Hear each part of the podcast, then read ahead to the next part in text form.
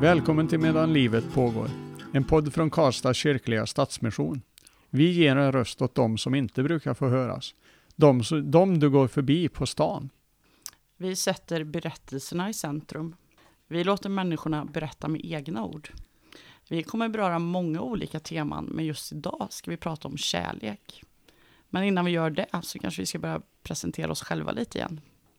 Ska du börja Thomas? kan jag göra. Eh, jag heter då Thomas, eh, kommer härifrån Karlstad och eh, jag jobbar då som volontär på Stadsmissionen. Och ja, det är väl inte så mycket mer att säga tror jag. Utan, vem är du Kajsa? Ja, jag är uppvuxen i Kristinehamn.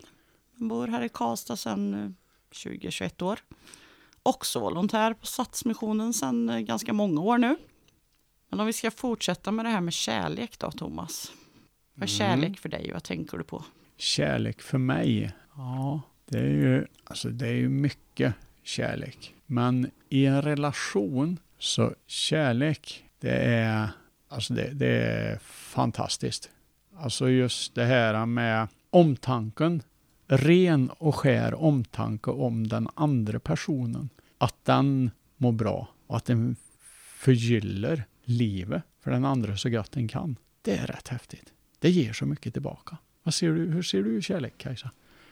Nej, men jag kan bara hålla med om det du säger. När jag, om jag tänker på mig själv så har jag väl kanske haft ganska svårt att vara själv. Jag har levt i ganska många relationer genom åren. Det har väl varit en del i min beroendeproblematik kanske. Men eh, det här är ju ett, av ett ämne som berör och det är ett av de ämnen som våra besökare också ville att vi skulle ta upp i podden. Mm. Mm. Och jag tänker väl att kärlek är ett väldigt grundläggande mänskligt behov.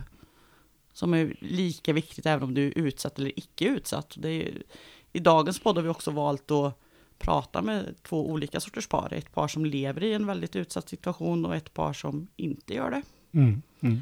Och det är väl den intervjun vi har tänkt börja lyssna på. Mm. Och du fick ju göra en av de här intervjuerna själv du Kajsa. För eh, jag låg ju hemma och, och var genomförkyld, tyvärr. Och det är ju faktiskt med en kvinna som heter My och jobbar som diakon på Stadsmissionen. Och, och hennes man Georg som eh, du intervjuade. Ska vi ta och lyssna på den?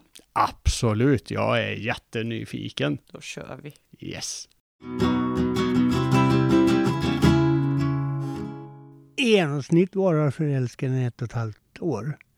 Enligt evolutionsteorin är det så lång tid det tar att träffa en partner, lära känna varandra och skaffa barn. Kärleken brukar delas in i tre faser. Attraktion, förälskelse och kärlek. De olika faserna påverkar människans hjärna kemiskt på olika sätt. Människans längtan efter kärlek är en oerhört stark drivkraft som formas av anknytningsmönster utvecklade i barndomen. Vi väljer oftast en partner som vi känner igen oss i, som har liknande erfarenheter och ouppfyllda behov som oss själva. Sociologisk forskning visar att goda parrelationer som håller över tid präglas av jämställdhet, god maktbalans, ömsesidig ansvarstagande och kommunikation Fysisk beröring är också viktigt, men inte lika viktigt som tidigare nämnda förutsättningar. Älskar du dig själv? Ja, men det, det gör jag nog. Ja, jag tycker att så länge... man får nog vara glad för att man kan liksom... Eh, ja, att man hör, ser, alla sinnen funkar och kroppen funkar som den ska. Så att, då tror jag att man får vara glad över att, man, att det funkar och då älskar jag mig själv tror jag. Ja, definitivt. Utan tvekan. Det kan ju kännas som det skulle vara egoistiskt, men det är det inte. Utan det är snarare så att jag, jag, be, jag behöver ha den känslan. För annars skulle jag inte fungera med det jag gör. Alltså. För, för att, att hade jag en konflikt eh, i förhållande till mig själva, då, då kan jag ju inte så att säga presentera mig för människor och, och bli trovärdig. Jag, jag, människor måste ju upptäcka, men gud det här är ju en person som tycker om sig själv. Älskar sig själv så att säga. Uh, Jag tycker att jag älskar mig själv för den jag är. Jag tycker att jag duger. Även om andra kan ha andra åsikter ibland och uh, man får höra att man inte kanske alltid är så bra. Så står jag rakryggad och tycker att jag duger. Uh, och uh, kan se mig själv i spegeln varje dag. Så ja, jag älskar mig själv. Ja, det gör jag. Många kanske tycker att jag är egoist om jag älskar mig, men jag gör det idag faktiskt. Jag tycker om mig själv. Det finns stunder jag inte har gjort det, eller långa stunder och många år jag inte har gjort det. Ja, det gör jag väl. Tror jag. Det var en svår fråga. Eh, jo, men det gör jag väl. Ja, ibland gör jag det. Och rätt så ofta faktiskt. Ibland, ibland inte. Det är mer eller mindre. Beroende på dagsform och vad som har hänt och vad man har gjort och så här. Men eh, jag är absolut ingen narcissist. Men ganska självkritisk tror jag. Ibland, inte alltid. Man, eh, det finns perioder när man tycker man har gjort något bra och man gillar sig själv men ibland så är man väl arg på sig själv och inte alltid tycker man bra. Och det är ju inte bra heller liksom men ja, jag vet inte. Då säger jag välkommen till My och Georg Andrén som är här idag för att prata om lite kärlek med oss här i våran podd. Jag tänkte att vi kan väl börja med att ni helt enkelt får berätta lite om er själva. Mm. My vill börja kanske? Ja, jag heter My, fast jag heter Maria egentligen. Men jag, det finns så många Marior i Värmland så jag heter My, det är ett andra namn jag har. Jag jobbar i Karlstad pastorat sedan eh, snart två år tillbaka, ett och ett halvt år tillbaka, som diakon. Eh, gör jag. Och anledningen till att jag flyttade hit det är Georg. Ja, tack Kajsa, kul att få vara här. Eh, Georg heter jag, Andrén. Eh, gift med My, har bott här lite, lite längre än My. Jag flyttade hit i eh, december 2019 och jobbar som landshövding. Jag kämpar lite grann med det här om jag är landshövding eller om jag jobbar som landshövding. Men jag är landshövding här sedan december 2019.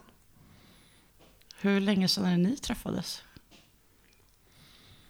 Ja, det är lite svårt att svara på. Vi träffades egentligen och var bekanta därför att jag gick i samma klass som Mys bror eh, på gymnasiet.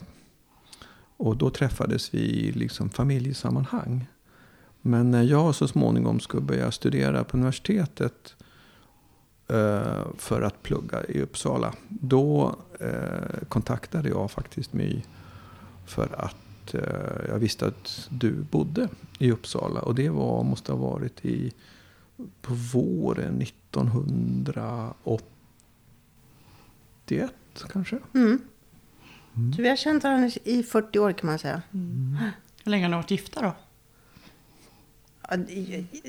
Jag kan aldrig räkna rätt. Är det 37 år? Ja, det är det. Sedan 1984. Mm. Så det är många år. Och ni har barn? Vi har tre vuxna barn har vi. Och fyra barnbarn. Mm. Ja, vi har ju lite frågor här som vi skulle vilja prata med er om, om kärlek. Mm. Och jag tänkte att jag börjar väl på en gång. Ehm, vad älskar ni mest hos varandra? Vad älskar du mest med Georg? My? Ja, det här med älska är ett begrepp som man kan fundera på. I vår del av världen blir vi ofta sådär privata när vi pratar om att älska. Och vi talar ofta om förälskelse och sådana saker. Det är ju en sak som ni ju hör ligger långt tillbaka. Jag blev ju kär i en jättesnygg man.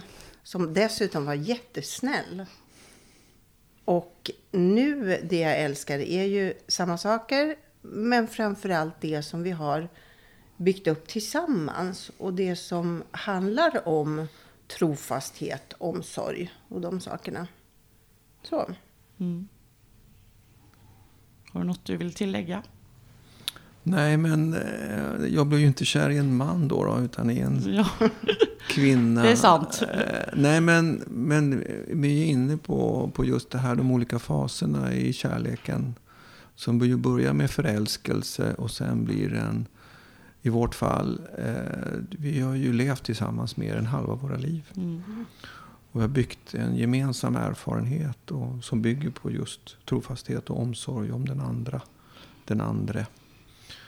Um, och vi är också inne på någonting där, vi kanske kan återkomma till det. Men eh, I vår del av världen, här i Värmland eller i Sverige och delar av Europa, framförallt Nordeuropa, så är vi väldigt individuella i våran, när vi pratar om kärlek. Vi har haft förmånen att bo i olika delar av världen, Afrika, Latinamerika. Och där är det ju naturligtvis också så. Flickor och pojkar blir kära i varandra. Mm. Unga män, unga kvinnor blir kära i varandra. Eh, men där är eh, familjebegreppet så oerhört starkt och viktigt. Och när man, när man pratar om kärlek så pratar man också lika obehindrat om kärlek till pappa, mamma, mormor, morfar, moster, farbror. Um, uh, och det är också en viktig del av kärlekserfarenheten, tänker jag. Mm.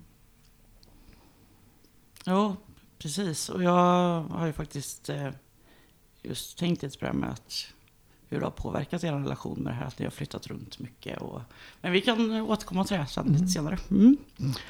Uh, på vilka sätt tycker ni det är viktigt att visa kärlek? Det finns ju flera sätt att göra det och en del är ju helt omedvetna bara för att man, man eh, älskar varandra och tycker om varandra och uppskattar varandra. Det finns ju så många nyanser på det där. Mm. Eh, att visa kärlek kan ju också vara att säga ifrån när man tycker att nej men det där blev inget bra, varför sa du så där? Eller eh, nu känner jag mig på något visst vis sådär. Men man visar ju kärlek mycket genom omsorgen återigen. Att, att se och sätta ord på hur den andra mår.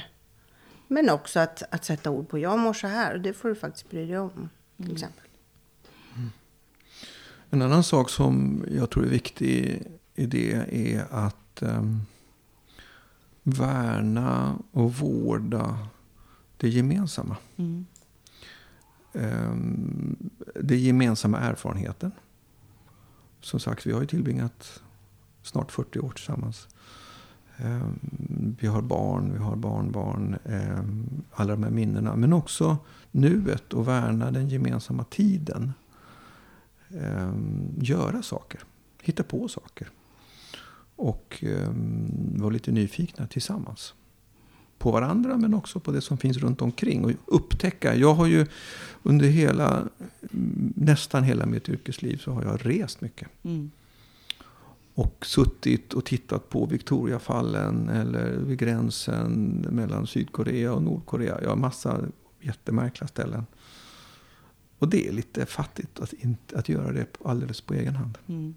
Att inte göra det tillsammans åh, det här, det här skulle jag vilja att My också fick se. Fint att dela de upplevelserna. Ja, honom, precis. Så att värna, värna det här nuet, eh, men också värna den gemensamma erfarenheten. Victoriafallen, ja det, det låter ju ganska romantiskt. Är ni, är ni romantiska av er? Ja, mina barn tycker att jag är ganska romantisk i alla fall. Ja, du är nog mer romantisk än jag, det tror jag faktiskt. Absolut. Mm. Men det är verkligen viktigt det där att, att göra eh, bra, roliga, trevliga, mm, stimulerande saker tillsammans. Det är jätteviktigt. Många par säger nog, vi pratade om det innan, att ge varandra frihet säger nog många. Och som om man skulle vara ofri i, inom äktenskapet så att säga. Mm. Medan vi som då har upplevt att du har rest mycket, speciellt när barnen var små. Vi tycker nu att det är väldigt härligt att kunna spendera mycket tid tillsammans. Nu fick vi ju kanske lite av en överdos under pandemin, för då var det ju verkligen bara, bara du och jag. Mm. Och dessutom nyinflyttade till en stad där vi ju inte kunde lära känna andra människor. Nej. Så det var väldigt speciell flytt att mm. flytta till Karlstad. Speciellt då för mig som följer med dig på grund av ditt arbete. Så, att mm. säga. Mm. så jag brukar säga att mina arbetskamrater på Västerstrand tar en onaturligt stor plats i mitt liv. Det är liksom, de är jätteviktiga för mig, för det är de jag känner. Ja, det var ett sidospår. Fast det, det, det, vi, när vi gifte oss så hade vi en fantastisk präst som förberedde oss för, för själva bröllopet förstås. Men också för äktenskapet så som en präst ska göra när man har de här samtalen. Och han gav oss en jättefin bild som jag har faktiskt använt mig av ofta. Även i andra sammanhang. Och det, alltså man kan ju tycka att, att gifta sig det är att liksom bygga någon slags staket om sig själv och, och liksom stänga in sig. Men han, han använde staketbilden, eller räck, ja, på ett helt annat sätt. Att han beskrev äktenskapet som ett räcke. Att man föreställer sig att man är längst upp på ett högt, högt hus. Och har man det här räcket då kan man gå fram och hålla tag i det här räcket och luta sig ut och Mm. titta ut. Det blir som en, ett stöd, en trygghet och så. Jag tycker det är en väldigt fin bild eh, för vad ett äktenskap kan vara. Ja, Det är inte alltid så lätt att vi sitter här och, och eh, liksom, det är inte bara lätt. Så är det ju. Men, men, men det är en bra bild som Mm. jag tycker vi har stor glädje av. Mm. Fin metafor. Mm. Du sa ju, eller ni sa ju här att ni har hängt ihop här nu i halva era liv, 40 år. Mm. Det är faktiskt mer än vi är inte riktigt 81. Inte Eh, 81, precis. Nej. Men länge, mer än halva Nästan halva era liv. Ja. Ehm, vad är det som får er kärlek att hålla år efter år? Alltså, det är ju väldigt svårt att peka på det när det gäller en själv. Det är, jag tycker att det är svårt att få syn på mig själv. Jag bor ju i mig själv så att jag kan ha lite svårt att få syn på det ibland. Men jag tror att vi kommer tillbaks till det där med att, att vårda relationen. Det är sånt där som man alltid säger och det står i alla spalter och sådär. Men att vårda den och då får man ju återigen bryta ner det till att vad behöver jag, vad behöver du? Intressera sig för det och ta det på allvar så att säga. Vad behöver vi? Vi kan vara lika på vissa sätt och olika på andra sätt. Men att ta reda på det Mm.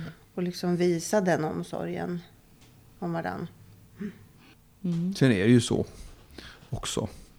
Att vi är ju inte ensamma. Och både du och jag, My, vi lever, eh, vi har en levande kristen tro. Och den finns, vi har liksom medvandrare i det här som hjälper oss och som är ett starkt, liksom, ja som bär. Mm.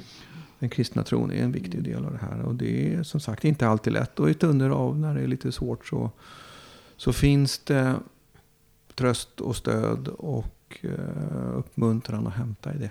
Mm. Nu nämnde jag ju också att det är ju inte alltid eh, rosor och tipptopp kanske. Har du några tillfällen när du kan känna att du är svår att älska? Du är svår att tycka om?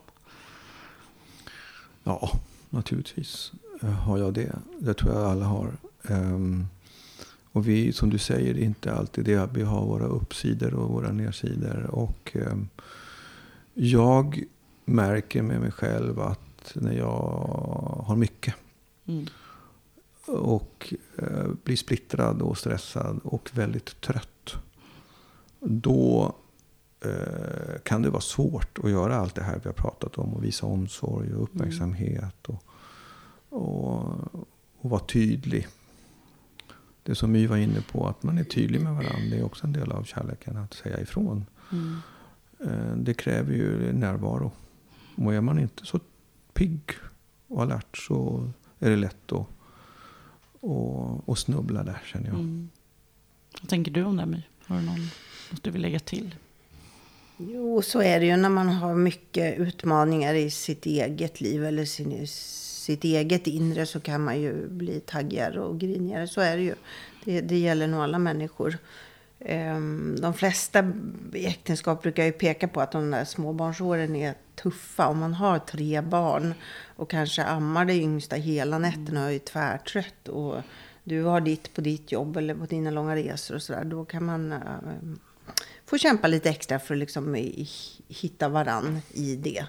Och härda ut med och veta det att så här kommer det inte vara för evigt. Det här är påfrestningar nu som också eh, vi får göra till våra gemensamma. Så. Men när tror ni att man behöver få kärlek som mest då? Kanske Mm. är det just vid de här tillfällena? Skulle precis säga det. Mm. Just då är det väl så. Och det, och det, är, det är det raka eh, och enkla och, och direkta svaret. Men också att det är ju kanske just då som det är som svårast också. Eh, Att göra just det. Det står väldigt fina broderier här lutade mot väggen där vi sitter. Och då kommer jag att tänka på en bonad som finns. Där det står ungefär så här. Älska mig mest när jag förtjänar det som minst. För då behöver jag det bäst. Mm. Och det är ju fina ord sådär. Men det gäller ju att översätta dem också. Ja, vad är det då? Ja. Man får ju lov att lite överse med varandras fel och brister ibland. Vilket ju kan vara svårt ibland. Självklart. Det vet ju alla par och alla människor vet det. Att i i relation får man också jämka. Får man göra. Man får kompromissa. Um, vi nämnde ju här lite i början om att ni har bott utomlands mycket. Flyttat runt. Um, har det på, hur har det färgat relationen liksom? Eller påverkat? Uh, har det varit en utmaning eller har det varit Mm. berikande? Eller hur? Jag vet inte hur lång tid vi var på oss, men, eh, men jag vet inte, My, ska jag börja? Ja, gör det. På, Ehm, det är klart att det har berikat och utmanat. Det är inte, det är inte bara lätt det heller. Nej. Så är det ju, man flyttar iväg. I vårt fall så har det varit så, på, samma sätt som att vi flyttade hit till Karlstad. Till detta fantastiska landskap och län. ehm, mycket på mina villkor. Det var jag som fick ett jobb här och så följer du med. Så har det faktiskt varit också de åren vi har bott utomlands. Vi har bott i Sydafrika. Vi har bo- bott i Guatemala och jag är uppvuxen delvis utomlands också. Mm. Eh, Men det är klart att det blir en väldigt sammansvetsande erfarenhet. Och när vi flyttade ut första gången så var våra barn små. De var tre år, de var sex år, de var nio år.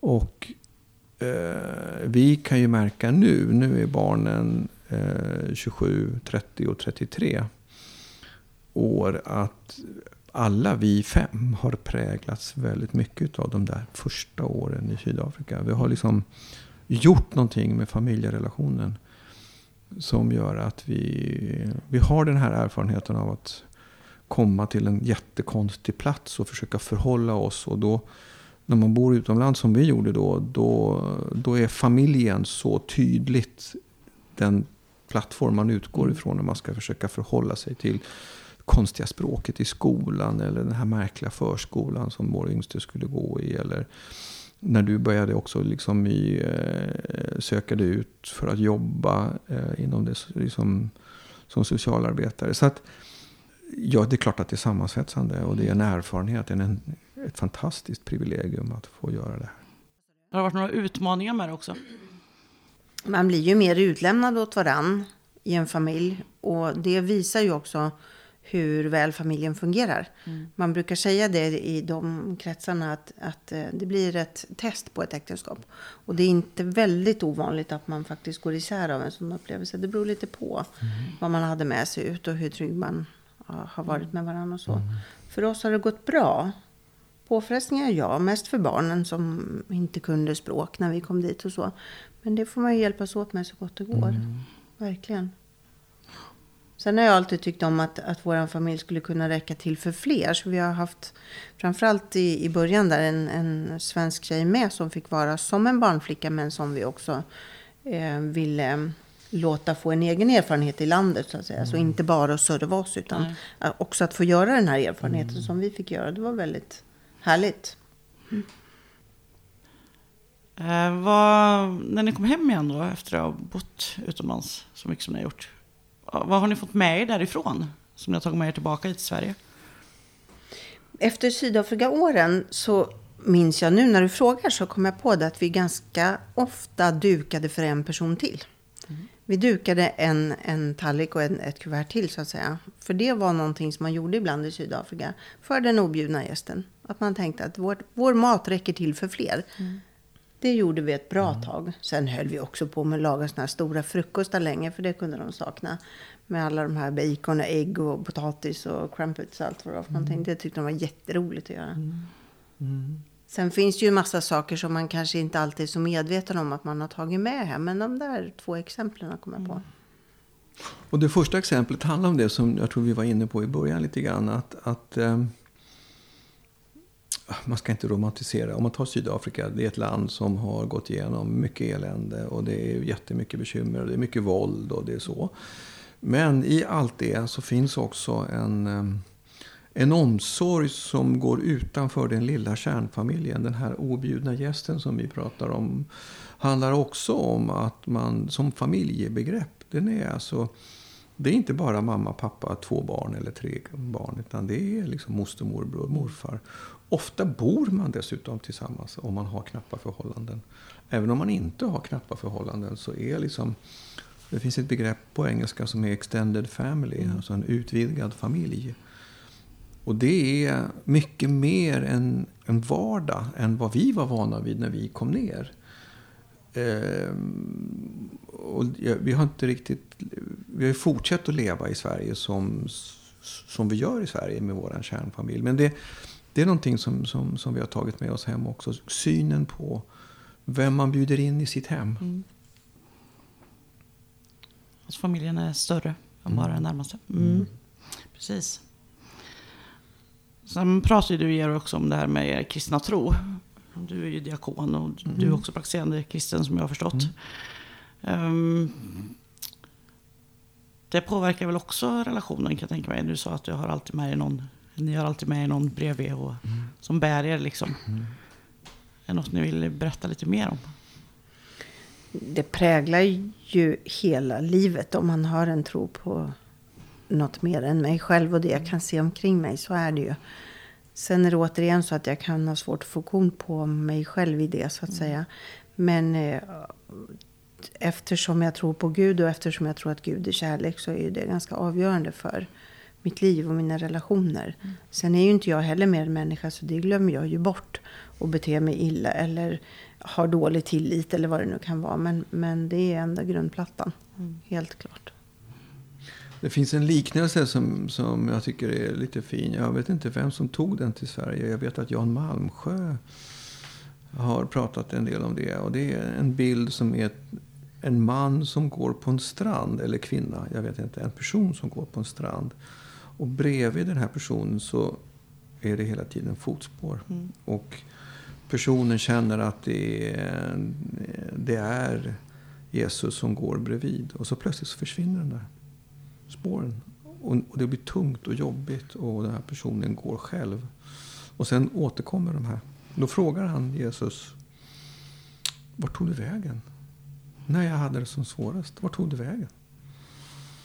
Och då svarar Jesus lite lakoniskt. Vem tror du var som bar dig? Mm. Och det är en ganska fin bild därför att det är lätt att glömma. Det är lätt att glömma när det är tufft eh, och man känner sig lite ensam. Att man kanske inte är helt ensam. Ja, men avslutningsvis så här då så brukar vi alltid eh, fråga våra gäster om de har något som de vill skicka med till våra lyssnare. Jag tänker att eftersom vi just pratar om kärlek så om ni har några erfarenheter gällande kärlek som ni vill dela med er som kan vara några ord på vägen eller Nu är ju jag diakon i Svenska kyrkan. Och diakon, diakoni handlar ju om tjänst.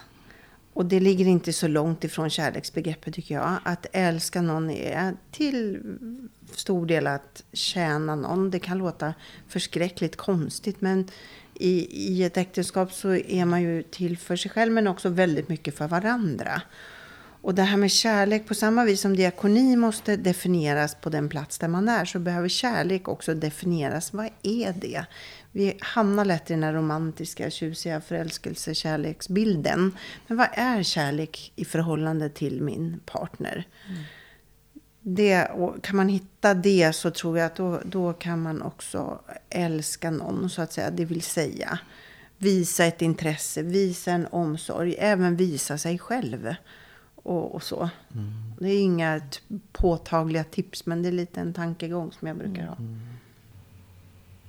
Har du något du vill säga om det? Ja, det finns två sidor på det där. Det ena är att, att, eh, att visa sig och vara ärlig och så.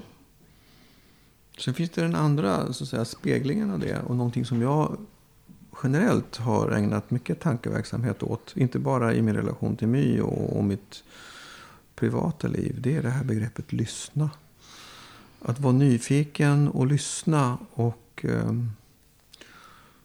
något som man ibland får arbeta lite med handlar om att lyssna klart. Eh, Att ha tålamod och inte... Och jag menar, har man som vi levt ihop så länge så eh, kan det ju bli lätt att man eh, börjar liksom tro sig veta Mm. en massa saker. Och då är det viktigt tror jag att, att inte sluta lyssna. Ut, och så lyssna klart och vara lite nyfiken på nyanser och, och, och så. Som, som om, man, om man inte lyssnar så missar man dem. Vi förändras ju genom livet, genom Mm. åren. Mm. Och i bästa fall utvecklas. Så att det vill ju till att man lyssnar. Ibland säger man ju det här att för att kunna älska någon annan så måste du kunna älska dig själv. Vad tänker ni om det? Måste man älska sig själv? I Bibeln står det väldigt tydligt, älska Gud överallt och din nästa som dig själv. Det är ett ord som jag ganska ofta pratar med människor om. För jag tror att det är avgörande att också kunna älska sig själv. Och det kan liksom inte få vara en prestation. Utan snarare om jag vet att Gud älskar mig så kan jag också älska mig. Och det är en förutsättning för goda Mm. relationer tänker jag. Precis.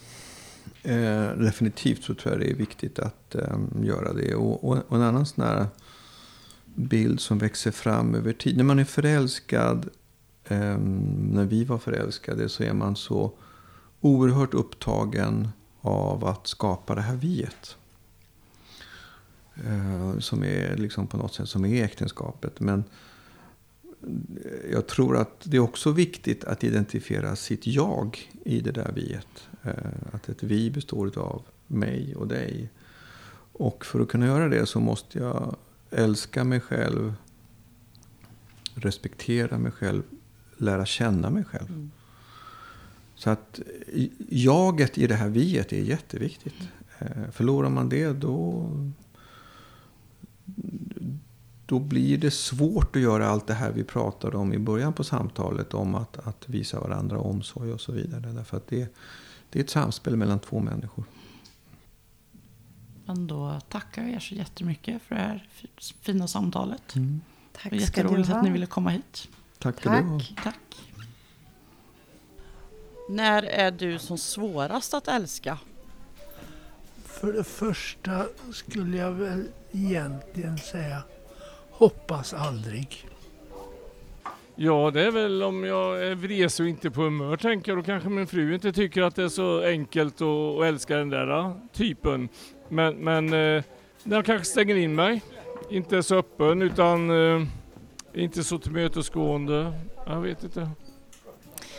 Oj, ja, det är väl när jag inser att även jag har dåliga sidor, tror jag. Då älskar jag inte mig själv. Eh, jag skulle nog inte vilja umgås med mig själv heller då.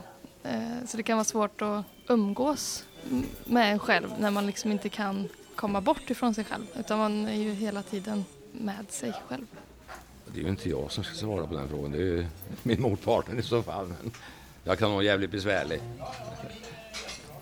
Och speciellt i missbruk. Jag har levt i missbruk i många år. Det finns inte... Det beror på hur vi definierar en känsla eller hur förklarar vi en känsla. Men den kärleken som var då, det var nog väldigt platonisk och tillfällig om man säger så. Eh, gud, jag vet inte riktigt. När jag är väldigt stressad kanske? Skulle jag tro.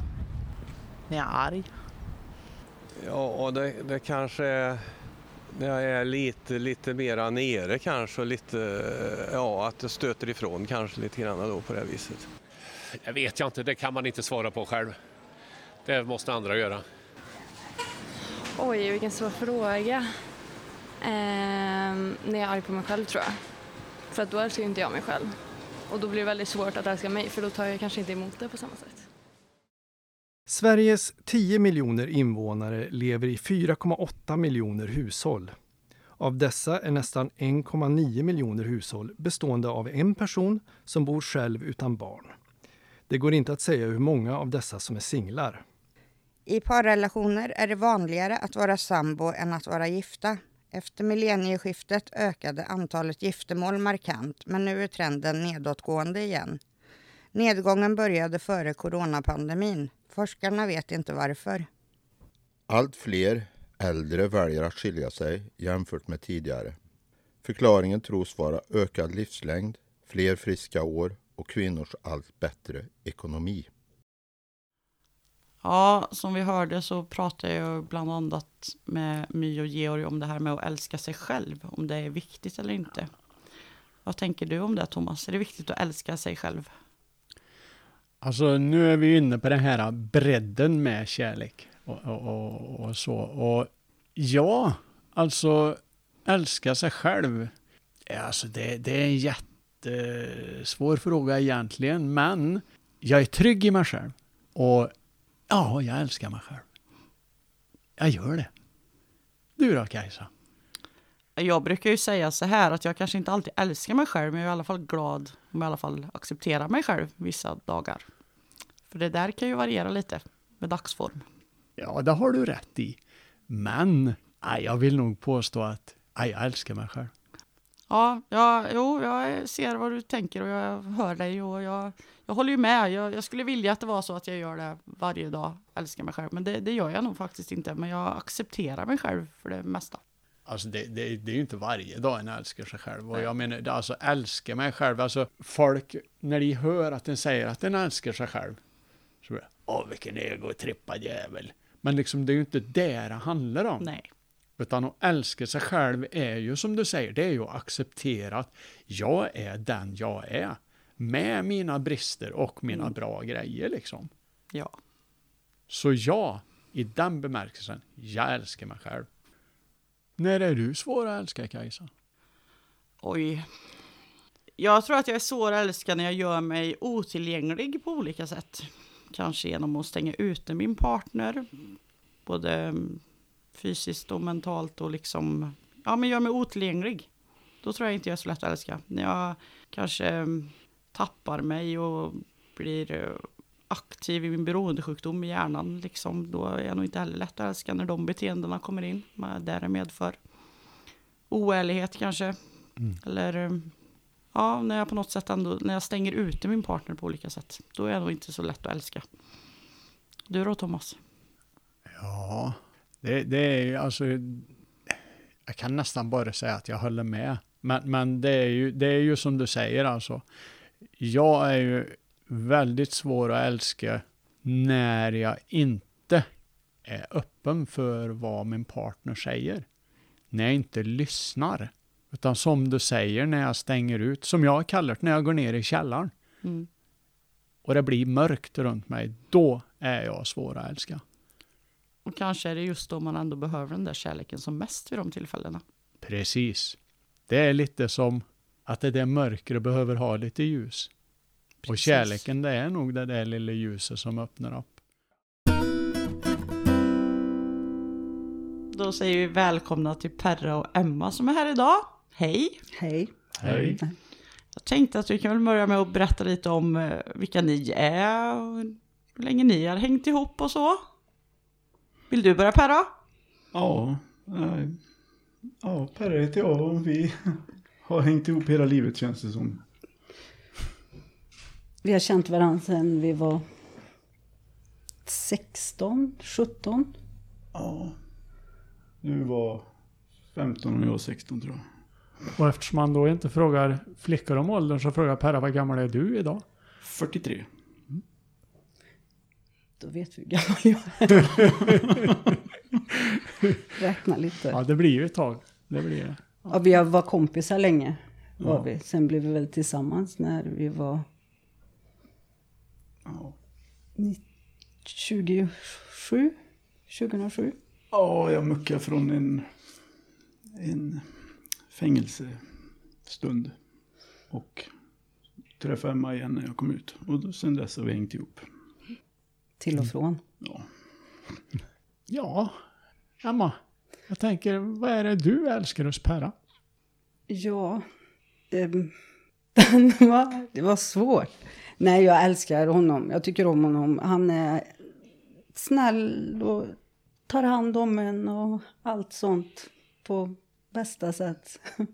Det känns, han är en del av mig, så det är svårt att komma undan. Perra då, vad älskar du med Emma? Nej, det är väl, det är väl allt. Hon, eh, jag klarar mig inte utan henne. Så är det. det. Även om man hatar varandra så älskar man varandra. Det... Ja, jag vet inte. Det där är jättesvårt att svara på. Mm. Men hon ställer alltid upp. Hon finns där alltid. Du säger Perra att även om man hatar varandra så älskar man varandra. Mm. Ja. Eh, Det kanske låter lite hårt med hatar, men, men jag förstår ungefär vad du menar. Alltså, det går upp och ner alltså.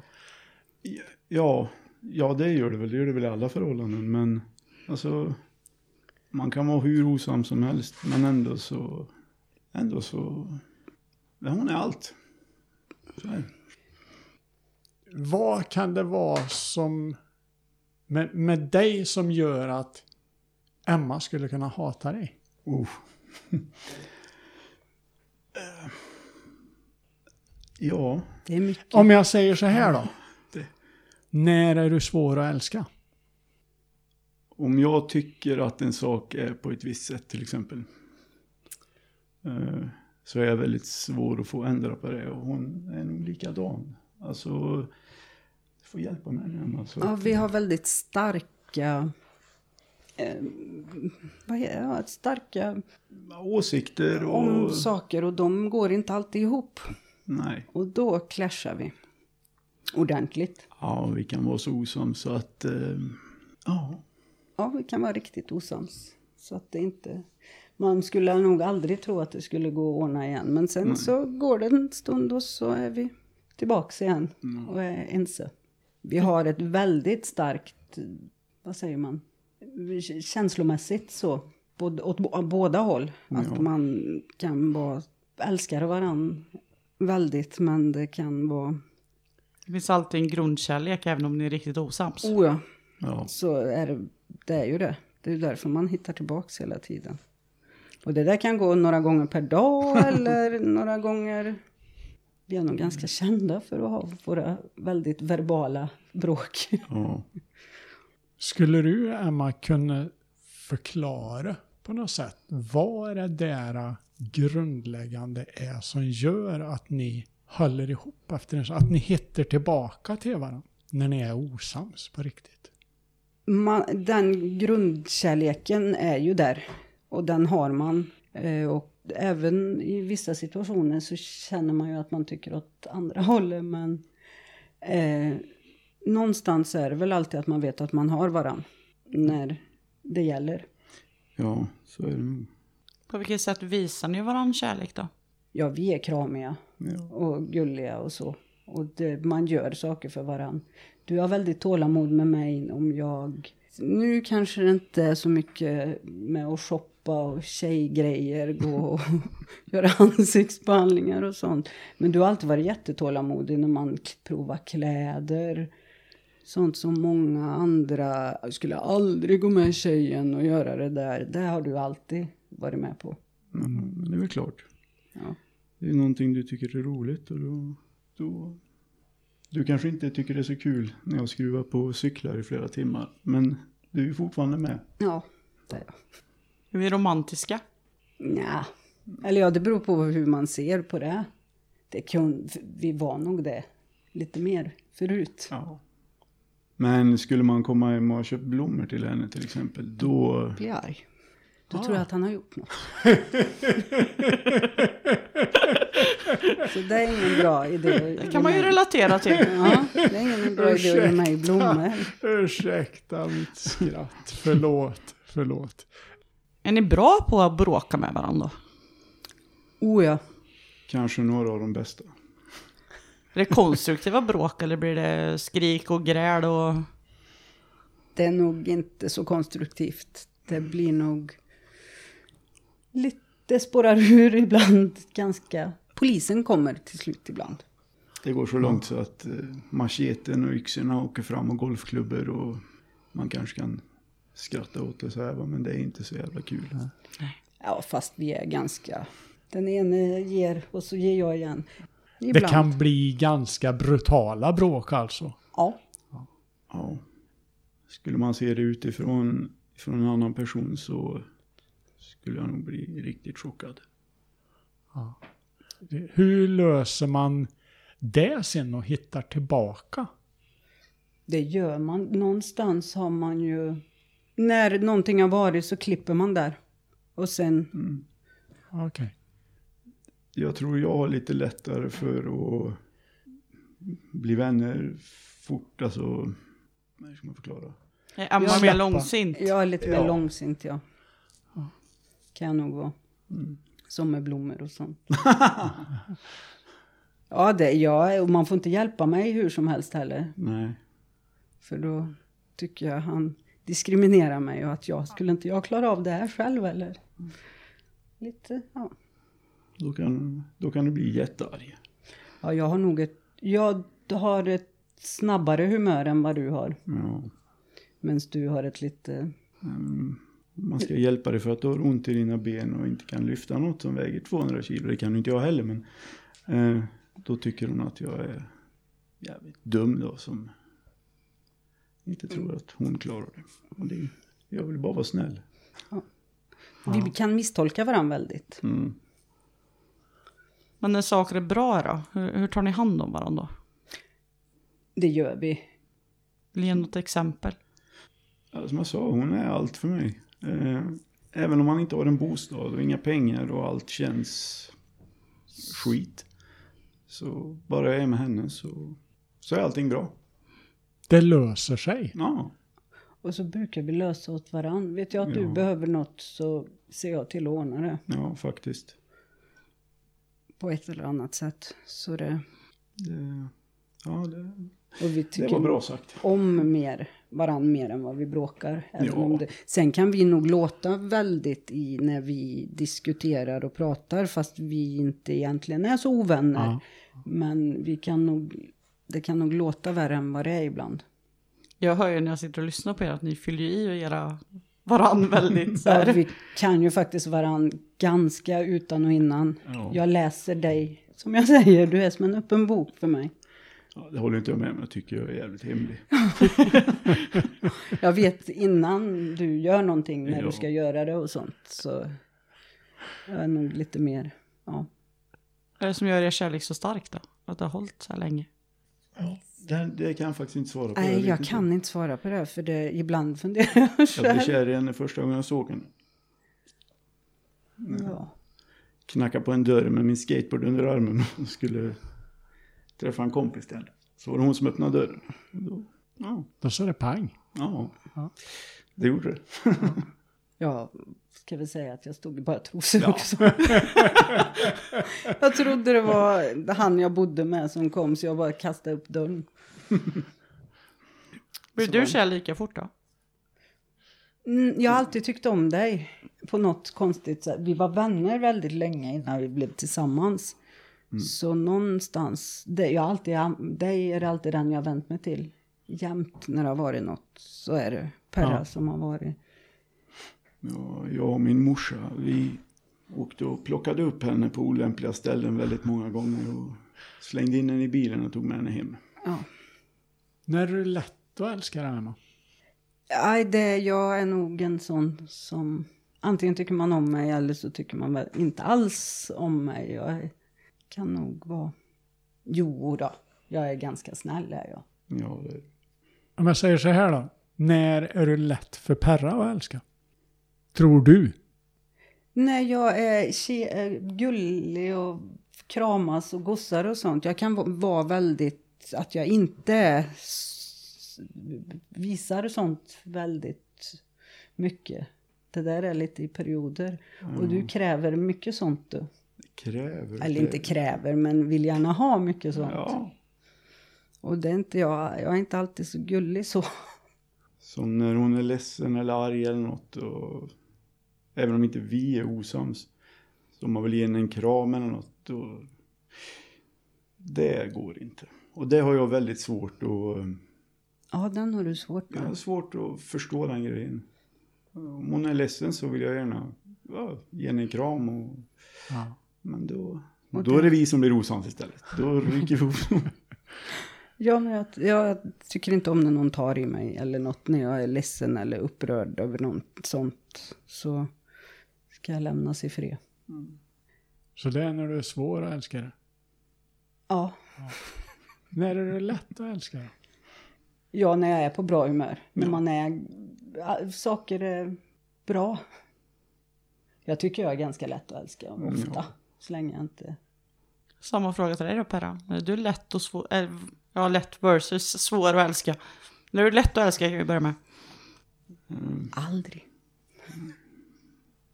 När jag är nykter. Mm. Mm. Skulle jag väl säga kanske. När du är älska då? Ja, när man har, när man har tagit för mycket droger kan nog kanske vara det. Ja, kan jag nog hålla med om. Det är oftast då det skär sig. När det Ja. har varit eh, rörigt, mycket sånt. Så man missförstår varandra, man är på olika plan. Man, Även om, även om man tycker kanske att man blir väl väldigt självisk kanske många gånger när man har intagit vissa preparat. Men eh, måste man älska sig själv då? För att kunna älska den andra? Oj, vad svårt. Ja, det där var jättesvårt för att älska sig själv. Alltså jag, det där, jag har aldrig förstått den grejen faktiskt. Vad tycker om mig själv? Hur? Nej, jag, jag, för, nej, jag vet inte. Det var... Jag har ingen, nej, jag har heller ingen sån till mig själv att jag antingen tycker illa om mig själv eller inte. Nej, det där är väldigt, den, jag tycker det är jättesvårt det där. Mm. Kan man vara ganska neutral till sig själv? Ja, Man är ju jag man är. är nog väldigt, ganska neutral till mig själv. Kan det räcka att man accepterar vem man är? För att man ska kunna älska den andra? Det tror jag nog. Jag tror du och jag är ganska sån att man är neutral och accepterar sig själv. Ja, det, Sen tycker man ju inte att allt man gör är bra då, men... Nej. Ehm, Allt jag gör är heller inte bra. Nej. och sånt, men det... Ja. Nej, det där, det, den där frågan, alltså älska sig själv och grejer. Ärligt talat, jag förstår den inte. Jag, jag kan inte... Nej. Man är den man är. Jag är glad att hon tycker om mig för den jag är så. När behöver man kärlek som mest då? När behöver du kärlek som mest, Emma? Som det är nu är det nog när man faktiskt inte har någonstans att bo eller så. Då är det ju det här med att man ser efter varann och tar hand om varann. Och det är ju en kärlek, grundkärlek, att man ser till att varann har det bra så Mm. gott det går. Mm. Och inte, mm, ja. Jag tycker nog att du är lite egoistisk ibland, ja. kan jag säga. Inte just där, men många gånger att, ja, borde. Fast det kan vara misstolkat också, men Kanske. ja. Perra, när behöver du kärlek som mest då? Eller älska, bli älskad? Som hon, som hon sa nu, alltså att vara bostadslös och inte ha pengar och veta att man har, man har ju satt sig i den här situationen själv liksom. Det är ju ingen annans fel. Men eh, hon klarar det mycket bättre än mig. Eh, Jag, eh, nej, jag, jag är inte gjord för att, att leva så här. Jag pallar det inte. Och då är jag väldigt glad att jag har henne för hon, hon gör det bättre. Hon tar det på ett annat sätt än mig. Och då behöver jag kanske lite mer kärlek. Jag vet inte, men ja. Ni, ni är bostadslösa, ni har inga pengar, ni är svåra att älska då. Vad är det som gör att ni fortfarande hänger ihop? Någonting där är det ju som gör att ni fortfarande är tillsammans. Du, Perra är min trygghet, är han. Det kan jag säga. Det är, när man är tillsammans så har man ändå en trygghet i varann som gör att... Som måste basera på kärlek också. Ja. Som gör att det, saker och ting fortsätter fungera. Som det ändå gör.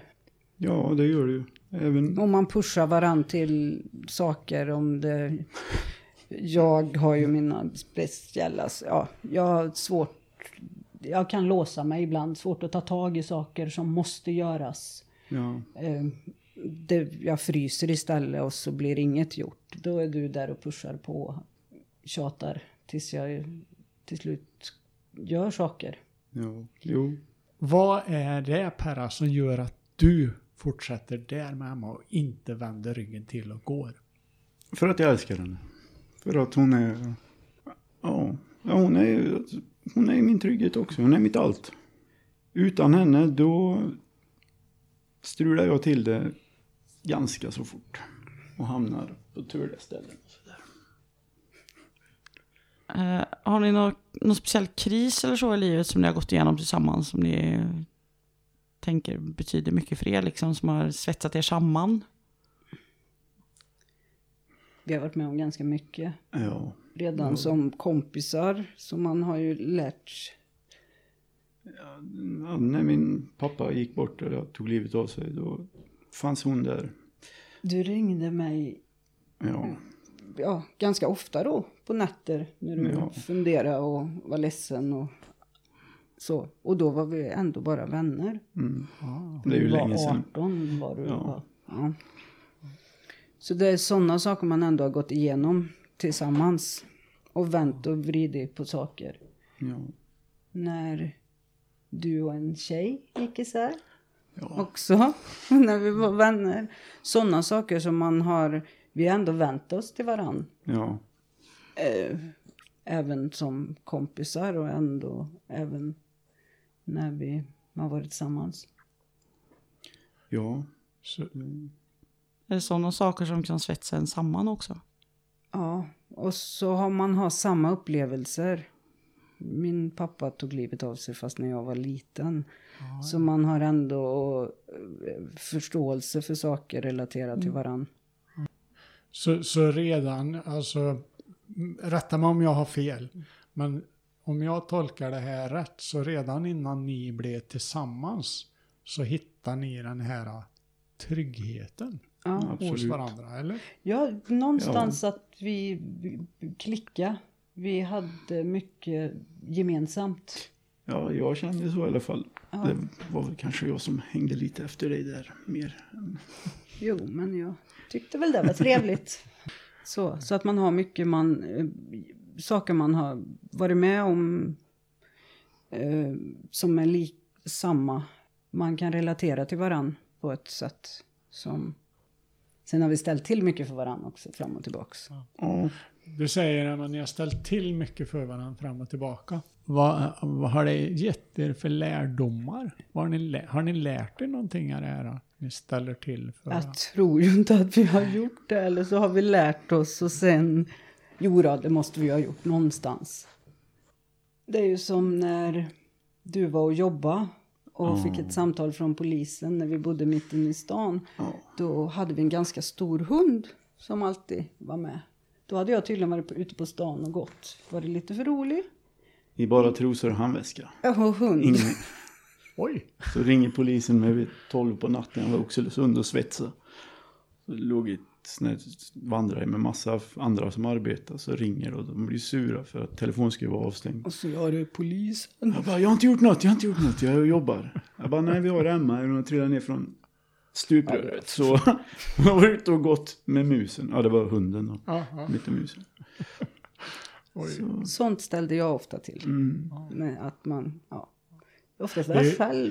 Ursäkta, jag skrattar, för jag menar det är ju faktiskt en rätt allvarlig händelse om, om du trillar för ner för ett stuprör. Ja, jag hade försökt Jag. Ja. klättrat in, för jag hade ju tappat bort nycklarna. De var inte med i handväskan de som jag hade. Så jag försökte klättra in genom, upp för stupröret där och då, åh. Men de var lite sådär polisen ibland, jaha, nu har vi Emma här igen. Nu har hon, ja, sådana lite knäppa grejer jag lyckades ställa till med. Ja. Men vi brukar ju också avslutningsvis fråga om det är någonting ni vill eh, skicka med till våra lyssnare. Kanske något kärlekstips eller något annat som har med Nå- ämnet att Någonting göra. som Eller? kanske kan eh, hjälpa någon annan. På ett eller annat Är det i grunden riktigt så här som vi kan bråka, det verkar lite brutalt eller kna, du, ja. Är det i grunden kärlek på riktigt så är det ju ändå är det ju gott i slutändan. Ja. Lyssna på vad den andra har att säga. Även om man tycker att det bara är skitsnack för stunden så ska man nog lyssna ändå. Och För vi- tänka. Är väldigt tålmodiga med varann i så många, många andra lägen. Ja. Och har överseende med saker och sånt som jag ibland blir chockad för mig själv att man faktiskt... Oj, nu kunde jag, vad långt jag drog det där. Ja, Eller ja. Ja, jag säger Äntligen! Att jag blir chockad själv att gud vad ja. Att Ja. om man tog någonting lite för långt och lite för hård på sina principer och inte har överseende med den andres. Men ja, bara det inte kommer blommor då. Ingen risk. Så tipset är inga blommor. Nej, ja. Nej, Det är skämt åsido. Det, ja. Gud vad arg jag har blivit för det ibland. Ja. Perra, har du något nå tips? Eller något du vill skicka med som, till lyssnarna? Bråka inte offentligt verbalt som jag och Emma gör. Det det- är inget, inget tips. Det är ingen bra idé. Men som jag sa, lyssna och hör vad den andra säger. Att man tar hand om varandra, faktiskt. Men då tackar vi er för att ni har kommit hit och att vi har fått prata med er idag. Tack, Tack så mycket. Tack. Tackar. När var du kär senast? Jag är kär just nu. Mm. jag. Ja, om du tänker att vara kär i en, en kvinna så är det många år sedan eh, faktiskt. Ja. Jag måste ha varit i sjätte klass tror jag. Nej då, nej då. Nej, men jag, jag har lätt för att bli kär ofta så det lägger jag ingen större vikt vid. Ja, jag träffade ju min fru 1984. Då var jag kär.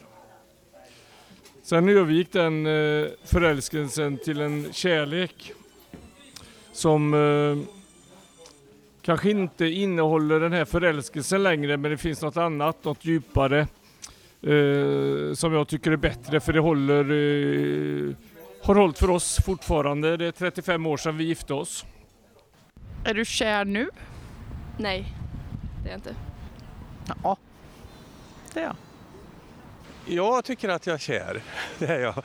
Fast jag har levt i en relation i 25 år så jag är fortfarande väldigt kär. Ja, Ja, man är väl grund, grundkär i sin fru och sina barn och sina närmaste och kompisar och så.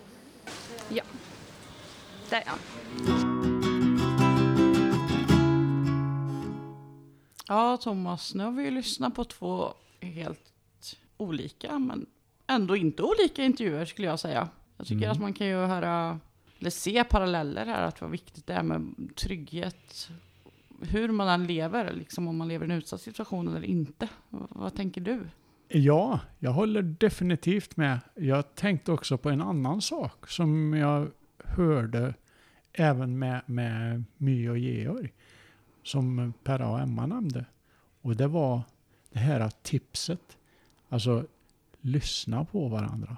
Oavsett om du håller med eller inte, lyssna. Mm. Det satte sig djupt i mig, gjorde det. Ja, och jag tänkte på det här, vad viktigt det är med tryggheten när man lyssnar på Perra och Emma som lever i en sån utsatt situation som de gör. Att vad viktig den andra parten är för dem. För Mm. att orka stå ut kan jag tänka mig helt enkelt. För att palla med helt enkelt. Ja, ja. Som, de, som de uttryckte det båda två, liksom att den ena är den andres trygghet i det hela. När inte den ena orkar så orkar den andra. Här har vi ju också sett, tycker jag, att eh, kärlek är ju ingen lätt ämne att prata om. Utan båda paren har ju uttryckt svårigheten i att svara på vissa frågor. Jag får nog hålla med, det, det är ett svårt ämne. Det är det absolut. Men det har varit intressant att lyssna på. Mycket, mycket. Men vad är det vi ska prata om nästa gång? Nästa gång, då ska vi prata om familjerelationer. Och det är ju också ett ämne som eh, besökarna på Stadsmissionen har eh, sagt att de vill att vi ska ta upp. Men då tackar vi för idag och så avslutar vi som vi gjorde sist med en dikt av Martin.